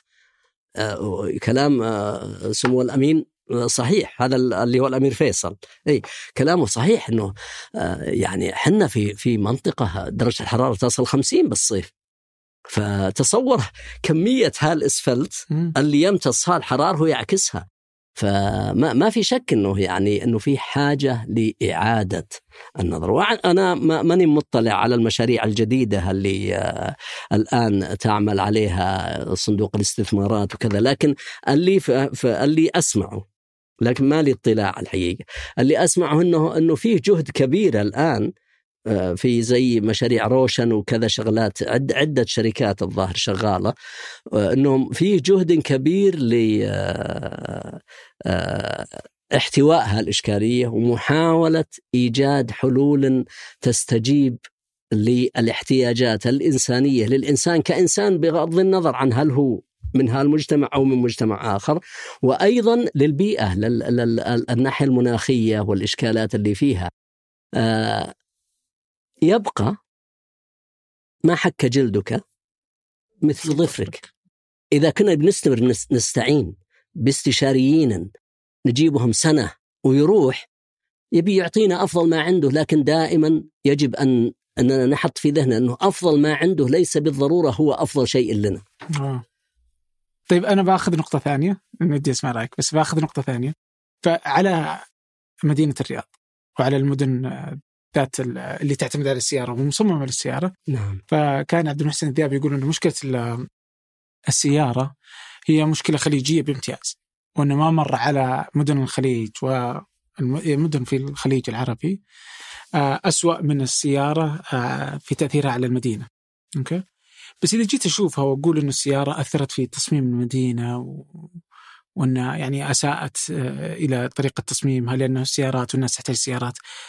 بينما يعني إذا جينا نروح أوروبا نجد أوروبا يعني هي هم اللي صنعوا السيارات ويستخدمون السيارات ومع ذلك ما أثرت السيارة ولم تبنى المدن على السيارة عكس عندنا. فوش اللي خلى المسألة تختلف رغم إنه آه، الاحتياجات للإنسان واحدة يعني التنقل لأنه لأنه آه، ما ما يبدو لي إننا ما أخذنا هالعامل الإنساني بالحسبان. بيريد يعني ال ال في محاولات. يعني أذكر أنا عندما كنا في كنت في تخطيط المدن في الثمانينيات والتسعينيات وإلى 2004 بذلنا جهد كبير في عمل تصميم عمراني لأحياء سكنية على فكرة البرح اللي هي الكلدوساك وكذا. واحد من الأمثلة اللي تعاوننا مع أمانة مدينة الرياض فيه اللي هو حي الحمراء.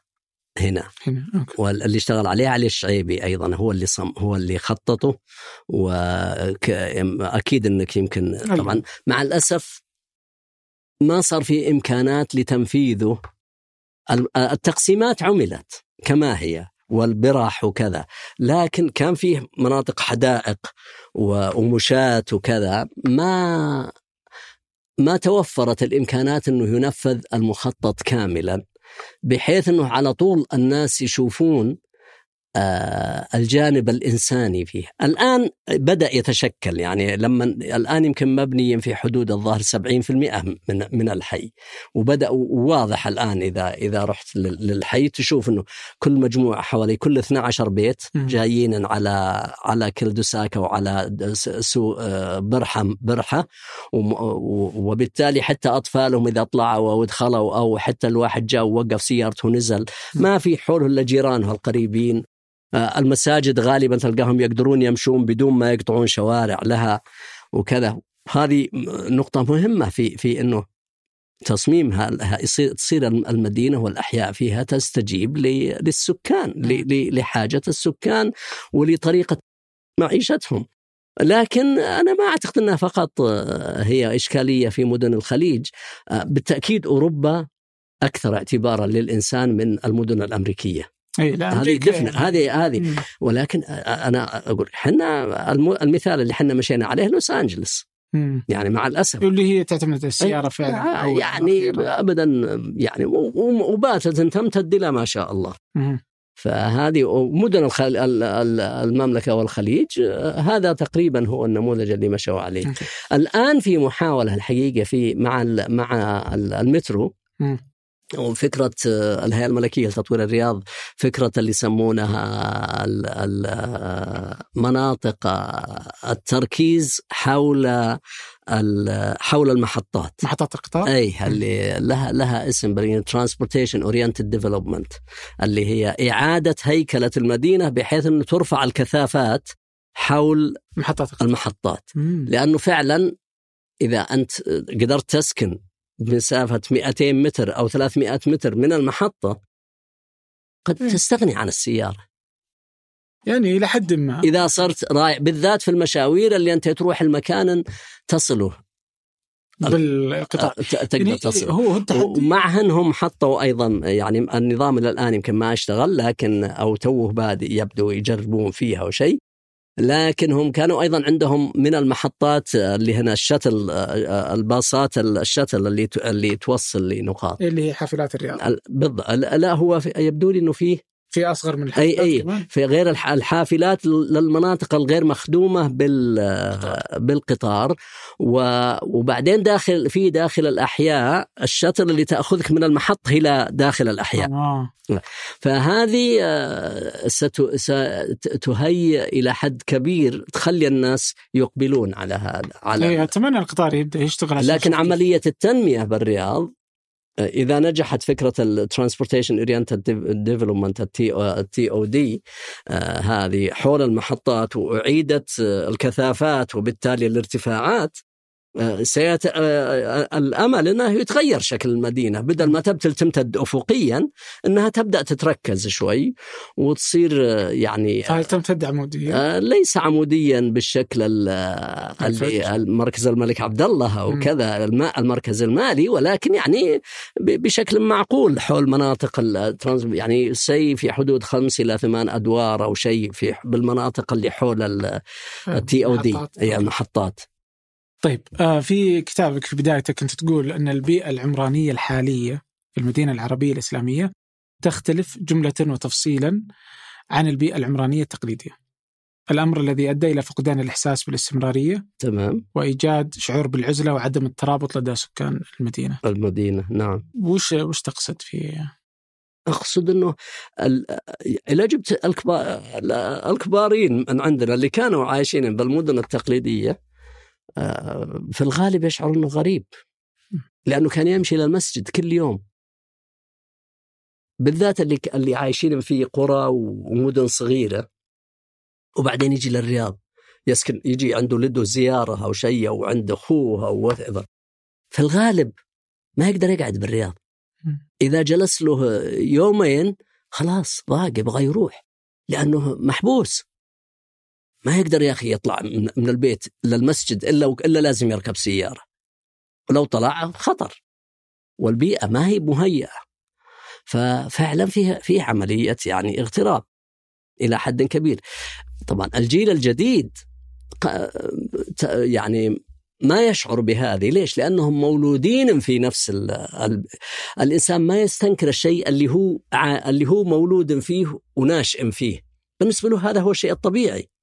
لكن لأحد مثلي أو الجيل اللي قبلي لا هذا ما هو بالطبيعي هذا شيء بالنسبة لي آه، يعني في- أش... آه، يعني آه، كنت في بيئة مريحة وجيت لبيئتنا الحقيقة فيها إشكال فيها م- قض... يعني المشي ما أقدر أمشي مم. كنت أطلع اذا بغيت أروح للمسجد أركب سيارة، اذا بغيت أروح البقال أركب سيارة، إلى هذه هذه ليست من طبيعة البشر أصلا. طبعا هذه أيضا من القضايا اللي موضوع التكييف. الآن الجيل الجديد طبيعي بالنسبة لهم التكييف. صح. أنا ما ما أقدر أجلس تحت المكيف. يعني بالنسبة لي الحقيقة الوضع مختلف. فالانسان حسب ما تعود. ولذلك أنا قلت إنه يعني يمكن بالنسبة لو أخذت الرياض يمكن 70% أو 80% من سكان 70% من سكان الرياض ممكن تقول إنهم ما يستنكرون الشيء لأنهم كلهم ولدوا هنا ونشأوا بهالفترة من من 40 سنة وجاي. وبالتالي هذا هو بالنسبة له هذه هي هذا الطبيعي هذه البلد هذا هذا الوضع الطبيعي إيه. لكن إذا والإشكال اللي حصل إنه عندما نشأ الملز والنمط الشبكي وبدأوا أيضا المطورين الآخرين يبنون. ما ما جاء أمثلة مختلفة. يعني في تلك الفترة بالذات أعتقد لو الله راد إننا كان عندنا الملز واحد نموذج وجاء عندنا حي آخر بني بالطريقة التقليدية لكن بالمواد الحديثة ومهيأ تصله السيارة وكذا والخدمات. طبعا الإشكال كان في الفترة الأولى أنه الناس بالنسبة لهم الملز كان واو كان شيء جديد وزين وكهرب وماء واسفلت وشجر ما كانوا متعودين عليهن آه، فشافوا إنه هذاك هذاك قديم وما وحتى بعض الأحيان يمكن ما في تكرم دورة مياه ولا لا صار في دورة مياه تلقاها مكان صغير ما هو مريح. فانبهروا بالشيء الجديد وتركوا لكن لو الله أراد أنه مع مثال الملس بني أيضا مثال آخر أخذ في الحسبان النمط العمراني التقليدي ب مع توفير المتطلبات الحديثة في الحياة كان أنا أعتقد أنه التنمية العمرانية في المملكة ربما تغيرت بكا بكاملها في في كل المدن. آه. يعني على الأقل كان فيه مثال لأنه واحدة من إشكاليات البيئة العمرانية عموما أنها في شيء يسمونها ال latent environment البيئة الغير قابلة للتفكير فيها إذا ما يشوفها الإنسان فلكن لو في شيء نموذج الناس كانوا يشوفونه ويروحون ويدخلون يمكن يسكنوا بعض أقاربهم هم من الواحد يروح ويشوف شلون يطلعون للمسجد وهم مرتاحين يمشون يمكن في مكان فيه مظلات فيه شجر فيه شيء فيه مبلط ما يقطعوا سيارة. عيالهم يطلعون يلعبون بالمراجيح اللي قدامهم ويرجعون وهم آمنين ما في سيارات تمر. كان غالبا النظرة كان تغيرت وفي الغالب يعني أتوقع إنه ذهبنا مع الخيار الأول. إي كان أو على الأقل كان كان يمكن على الأقل 50% من التنمية العمرانية اخذت هذا التوجه. بس هل أثرت الرياض على بقية مدن المملكة في تخطيطات؟ إي آه طبعا. الرياض نموذج. أن الآخرين اللي بالمدن الصغيرة يناظرون الرياض وش اللي صار فيها. هي وجده ويبون زيهن. يعني كذا الناس الناس مجبولين على أنهم ينظرون للي أعلى منهم م. فهم أصلا اللي اللي ببلده صغيره حتى القرى الآن شفت تروح لبعض المدن الصغيرة وتلقاهم تلقى الخط الرئيسي اللي يدخل للمدينة تلقاهم مبلطين فيه 10 كيلو أو 15 كيلو برا وهو ما في أحد عندهم يمشي عليهن ولا يستفيد منهن ولا شيء وين حاطينهن؟ ما هو على جنب الشارع حاطينهن بالنص إيه. الجزء اللي السيارات من الجهتين إيه، وبالتالي أصلا ما حد يقدر يصل هذه لكن ومستثمرين فيه يمكن يمكن تلقى يعني تكلفة هالمشروع لو حسبتها تلقاها توازي نصف الخدمات اللي موفرت للبلده هذه. تلقى البلدة أصلا فيها 3000 4000 شخص 5000 وصار فينا على هذا مبلغ طائل ولا أحد يستخدمه. فيعني وتجدها هذه لو بتلاحظها إلى إلى منك رحت للبلدات اللي خارج الرياض وتلاحظ إنه لأنه بالنسبة لهم أوه هذه هذه الطريقة المتبعة بالمدن الرئيسية. فبس تسوي زيهم. إي بالضبط. أي بدون تفكير ل وش الفائدة؟ كيف ممكن نستفيد منه؟ بدل ما إنه بس نسويه لكن نسويه ويصير بشكل مفيد ومستخدم. آه هل هذا سبب ولا السبب لأن التشريع مركزي؟ آه لا لا لا هو هو أنا يبدو لي إنه قد يكون يعني هذا في فيه فيه دور للمركزية ما في شك. ولكن هذا قرار للبلديات الصغار. آه. هي اللي تتخذه. ما ما حد يجي يقول لهم إلا سووا هالشارع اللي اللي هو المد... لكنهم يقولون نبي المدخل يصير زين. نبي الزوار اللي يجوننا. يشوفون الديرة انها كبيرة قبل يصلونها بخمسة كيلو يبدأ اللمبات والطريق المرصوف. لكن ما حد يستفيد منه في الواقع. صحيح. اي فهي استثمار يعني استثمار ضائع. ولا ما هذا مفروض إنه يستخدم خدمات للناس اللي اللي من داخل. بشكل أفضل من من ما إنما أنا أقول لك إنه كمثال لأنه غالبا فالرياض موديل. ما في شك إنه ينظر لها كموديل كعاصمة مم. رئيسية كل الوزارات والدولة أو مؤسسات الدولة فيها مم. طيب بس من اللي تأثر هل ارامكو أثرت آه، لأنها في ظني إنها بنيت قبل بنت الدمام والخبر قبل الرياض خططت هي في 47 فهل أثرت عمل- على الرياض؟ عملت مخطط آه، لما لما انتقلت آه، الأمارة الأمارة في الشرقية كانت في الأحساء. وبعدين آه، في في في أظن عام 6 1946 أو كذا أو أو 47 انتقلت الأمارة للدمام. كانت في الهفوف؟ وبدأت عمل إيه كانت بالهفوف آه وك... وبدأت عملية أيضا التوسع في إنتاج الزيت وقفت الحرب العالمية وبدأ التوسع في إنتاج الزيت. فبدأت عملية ال... النمو العمراني. آه، لتلافي هذا ال- ال- الدولة ممثلة بأمارة الشرقية طلبت من أرامكو أن تعمل مخطط للدمام وللخبر. الخبر كانت عبارة عن عشش. في ذلك الوقت لأن الخبر ما كانت موجودة قبل الزيت.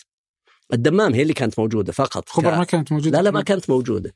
ال- ال- ال- الخبر من عام يمكن آم، آه، 38 وجاي بدأت كعشش وكذا وبدأت ال- اللي يسمونها الفرضة ال- جزء من المينا آه، ثم في في آه، 47 قاموا وشالوهن وعادوا تخطيطها على النمط الشبكي وحتى سموها مثل حق مثل منهاتن الشارع الأول الثاني الثالث الرابع الخامس وهكذا فكان أول تخطيط شبكي في السعودية في الخبر. الخبر يس آه. آه. نعم ثم والدمام جزء منها امتداد. ال- ال- الجزء الأول باقي على حاله لكن امتداد له أيضا خطط. آه، وبعدين بالخمسينيات الملز.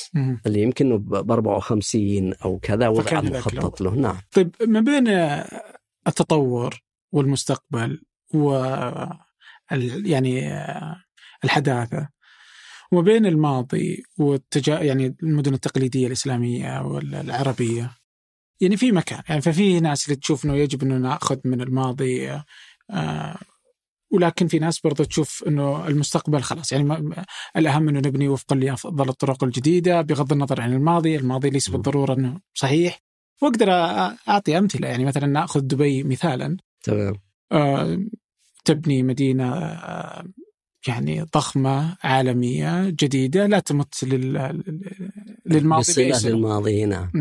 ولكن مو بالضرورة إنها تكون سلبية، يعني نقدر ناخذها سلبية بانها مفصولة عن ماضيها. بس يعني بس إنها هي هي هذه شو هذه جدلية أزلية آه، في المجتمعات وبين وبين المفكرين. آه، أحد يرى أنه التقاليد يجب أن تبقى. وآخرين يقول لك لا يا أخي إحنا بنبدأ من جديد ما لنا علاقة بها خلاص ما عاد نبغاها. ويبدأ من جديد. لكن وهناك أناس ينظرون في الوسط وأنا منهم. أعتقد إننا التقاليد مصدر من مصادر المعرفة لنا. لكن مصادر المعرفة ذي ليس بالضرورة أننا نأخذها هي كما كانت. لكن على الأقل ننظر فيها ونستفيد منها. يمكن فيها أشياء نقيمها اللي وننت وننقدها واللي يصمد أمام النقد ويثبت إنه والله مناسب وقابل للتطوير نستفيد منه.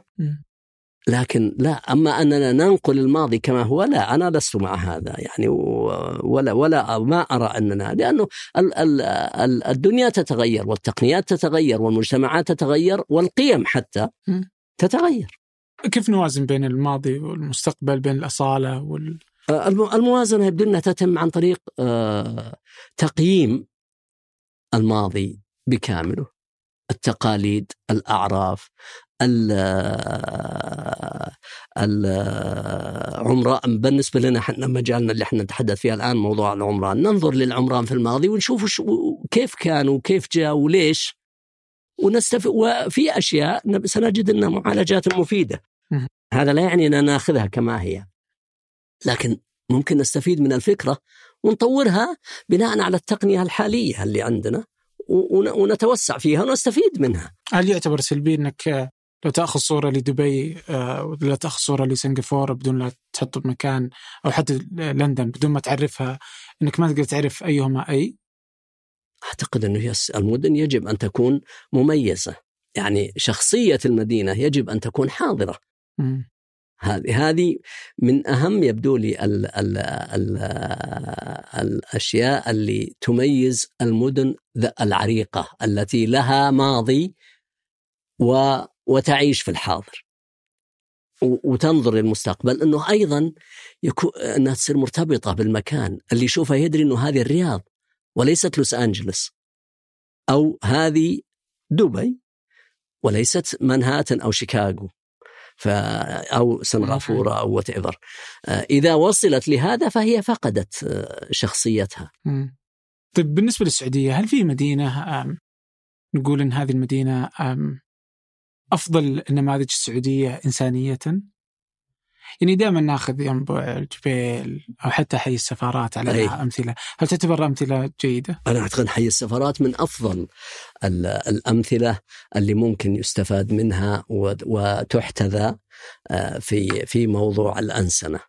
آه، يعني ما ما بذل فيه أقصى ما يمكن في هالجانب وبنفس الوقت آه، السيارة يعني آه، آه، السيارة موجود وتستخدم وكذا لكنه بذل. فيه أيضا عدة أحياء في الجبيل وينبع الصناعيتين. أذكر أذكر في كنت في وسط التسعينيات كنت عضو عضو مجلس إدارة في الهيئة الملكية للجبيل وينبع. فكنت أشاركهم في زياراتهم وكذا ونسكن في بعض ال في ال في ال في ال في ينبع يمكن ثلاثة أو أربع زيارات وفي الجبيل ف آه، فيها أيضا أحياء الحقيقة مصممة بشكل جدا رائع. ويجب انه يتم الإعلام والتعريف بها النماذج. لأنه كل ما الناس شافوا النماذج هذه وعرفوها وأحسوا فيها آه، كل غالبا المطورين يضطرون إنهم يتبعون أو يطورون نماذج تستجيب أكثر. كون الناس ما هم وهذا نفس الكلام اللي كنا نقوله تو عن الملز لو الهراد إنه في الفترة اللي أيضا الملز بني فيها كان فيه نموذج آخر يتضمن العوامل أو يوفر البيئة الإنسانية للإنسان كان يمكن الأمور تغيرت. طيب وش اللي منعنا ما نقدر ناخذ حي السفارات نموذج ويطبق في مدينة الرياض يعني ليش توقف على حدود أسوار الحي آه لأن هي. عملية التنمية بالرياض والملكيات ملكية الأراضي وتقسيماتها من الصعب أنك تفرض على الناس المطورين أو الملاك هو ممكن لكنه بصعوبة أنه يفرض. لكن إذا أيضا جيت تفرض يجب أن يكون فيه رؤية واضحة. آه وفي خيارات أيضا. آه مع الأسف أنه عندنا حنا في آه بحكم بالذات في الفترة الماضية ترى كان الفنيين المخططين والمصممين العمرانيين آه كانوا قلائل. يعني يمكن ما ما يعني صار عندنا أعداد معقولة إلا من بعد ال 2000 أنا عندما كل عندما بدأت عملي وكيل لتخطيط المدن وانتقلت من الجامعة لوزارة البلديات في عام 1984 كانوا عدد المهندسين السعوديين يعد على أصابع اليدين أقل أقل من عشرة في وكالة كاملة تخطيط المدن. والبلديات كان كان غالبا كثير من البلديات الصغيره العادية الصغيرة ما فيها مهندسين ما فيها إلا إما مساحين ورسامين. فالقدرات ما هي مهي... ما كانت مهيئة.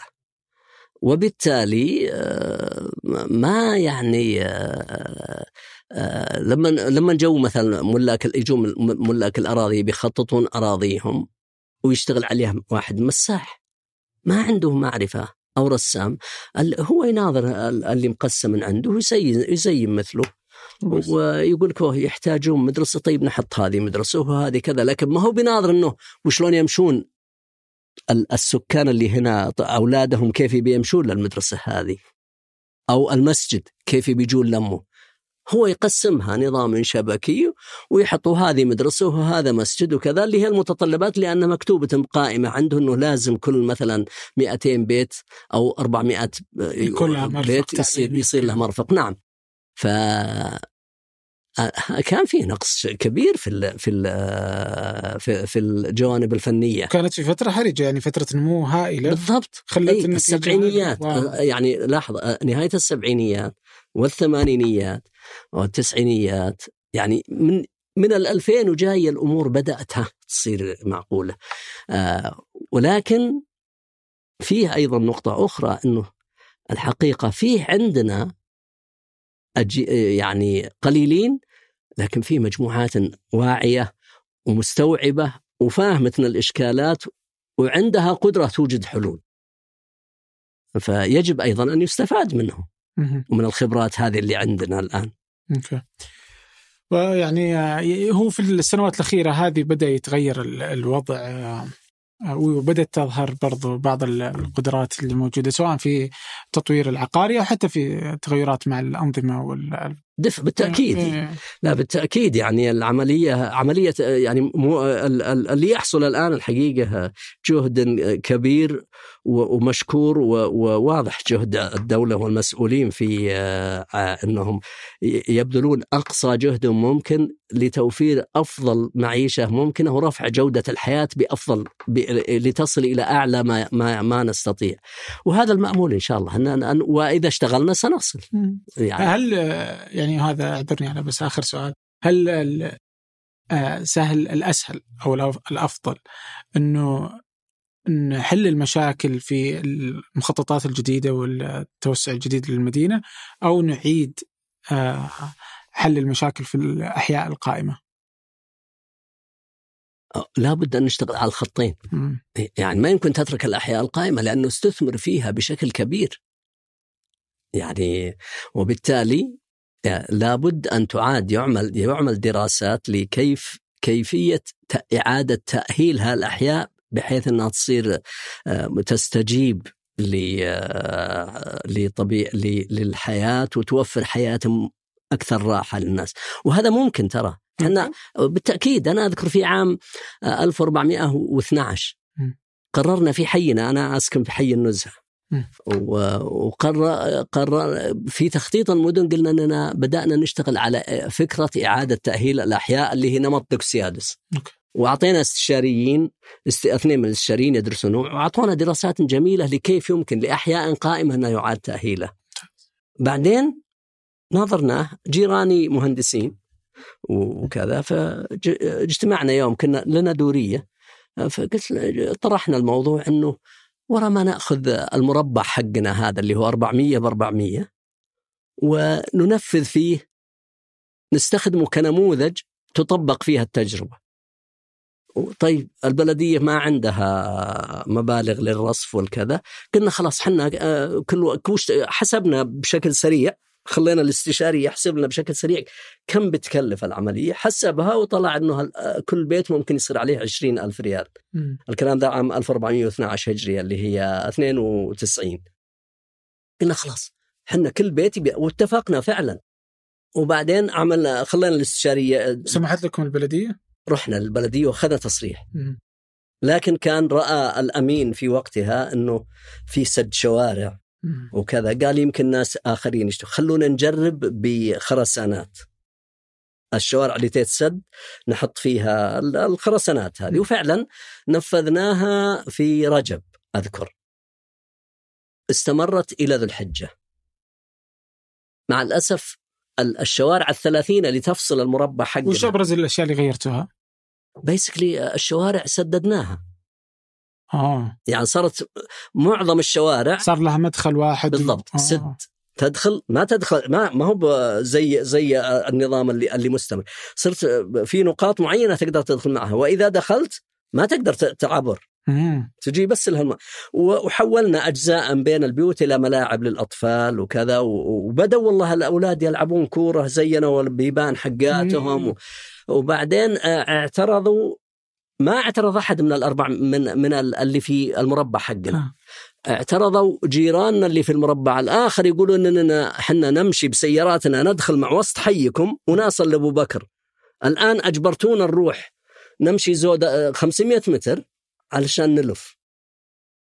آه، واشتكوني أنا قالوا إنه آه، صالح يستخدم نفوذه وكذا وراحت للمقام السامي وجاتها الشكوى وراحت للأمانة ولي طويل العمر الملك الله يحفظه لما كان أمير الرياض واستدعى الأمين واستوضح منه قال الامين ابدا؟ اللي اللي هم عاملين ما عملوه هم هذه هذا كذا. وشرح الأمين لسمو الأمير وش الموضوع وردوا على ذي إنه لم يكن استخ... لأنه هم اتهموني باستغلال النفوذ.